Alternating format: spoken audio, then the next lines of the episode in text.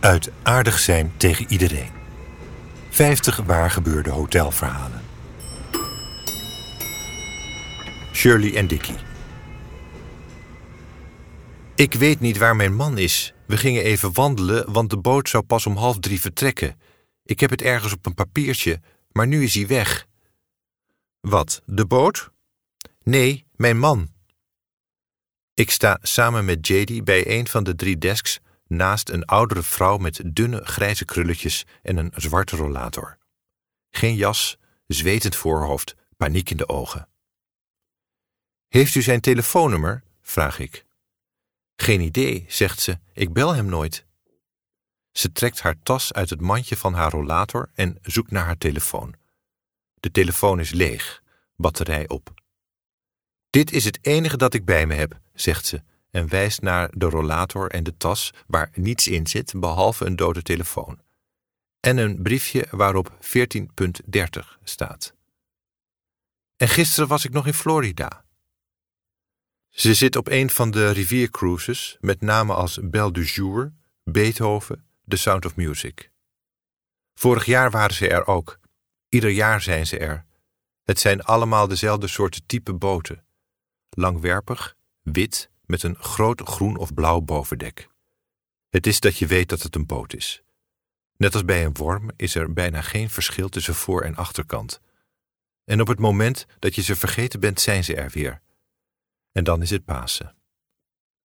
De reisorganisaties doen er alles aan om de gasten te vermaken. Soms komt een busje voorrijden met daarin een dansgroep in Volendamse klederdracht. Dan dansen ze tot diep in de nacht de horlepiep en eten schnitzels met dopertjes onder begeleiding van een kale dikke man met een synthesizer en een microfoon. In gemeentelijke kringen spreekt men over de witte schimmel. Plakt aan de kademuur en gaat nooit meer weg. Kunt u zich herinneren op welke boot u zat? Jazeker, zegt ze, de River Paradise 2. Wat gaat u nou doen? Dickie zal furieus op me zijn. Ik ga de havendienst bellen, zeg ik. Misschien weten die of. Ja, met Bert uit Hotel Jakarta. Ik zit hier met. Shirley. Ik zit hier met Shirley uit Florida van de River Paradise 2. Ze knikt. And she lost her husband. Shirley kijkt beschamend weg en slaat boos met een hand in de lucht. Terrible. En nu dacht ik, misschien weten jullie waar die ligt, want daar zitten ze op. Mag ik je zo even terugbellen? De River Paradise 2? Laten we gaan zitten, u moet moe zijn. JD brengt een glas water en kijkt me zorgelijk aan. We zitten helemaal vol, fluistert ze. Een kamer voor Shirley zit er niet in. De telefoon gaat aan de lader.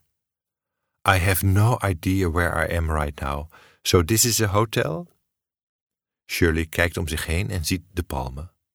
No one will believe this, zucht ze. First we crossed a very large bridge, and then I turned around and he was gone. Can you imagine? Ze kijkt me met grote ogen aan. Now Dickie will think I have Alzheimer for sure. Ze steunt met haar armen op haar rollator en laat haar hoofd hangen. Ik zeg dat het allemaal goed komt. You've never met Dickie. De havendienst belt terug. De River Paradise 2 is al lang vertrokken en ligt nu in Utrecht en vertrekt over een uur naar Keulen. Ik noteer het telefoonnummer van de reisorganisatie. En? vraagt ze zacht en hoopvol. Did they find him?